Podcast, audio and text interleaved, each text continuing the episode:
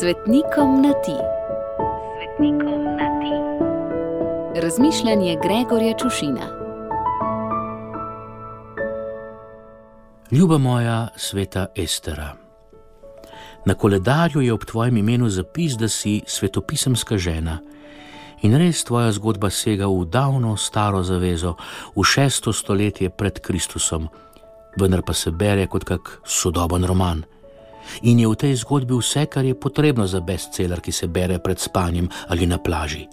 Politične in posteljne intrige, romanca in drama, ljubezen in ljubosumje, vohunske spletke, izdajstvo, smrtna nevarnost, rešitev v zadnjem trenutku in srečen konec. Pa naj še kdo reče, da je svetopismo dolgočasna knjiga. Kot se za dobre knjige oziroma zgodbe spodobi, ne bom razkrival vsebine, da morebitnemu bralcu ne pokvarim užitka.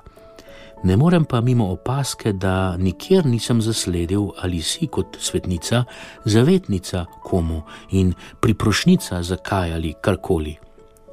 In bi, glede na to, da v knjigi vseh knjig piše, da si bila lepe postave in lepa na pogled, lahko bila zavetnica misic oziroma vseh deklet, ki se podajo na lepotna tekmovanja.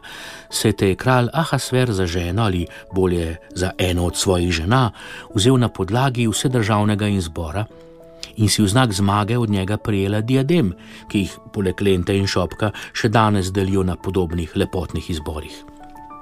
Lahko bi bila tudi zavetnica vseh prvih dam. Če so v zgodovini mesta kraljic ali kraljevih boljših polovic zasedala Ženske, ki so tja prišle zaradi krvnih zvez, plemiških nazivov in bogatstva, so vsaj v novejši zgodovini znane dame, ki so tam mesta zasedle zgolj in izključno zaradi lepote.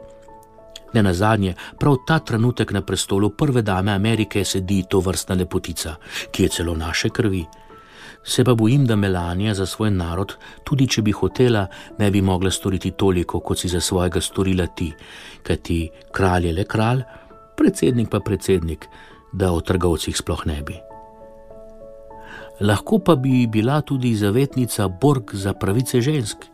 In je čudno, da te feministke še niso nalimale na svoje transparente, saj si že v davni zgodovini uspešno rušila stereotipe o ženski nesposobnosti in nemoči ali o tem, da lepota in pamet ne gresta skupaj.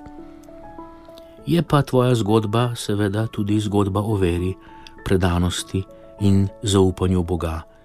In je tako jasno vsaj to, zakaj nisi zavetnica feministk.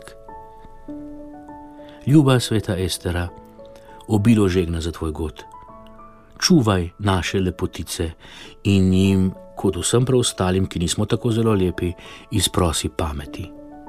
Gregor.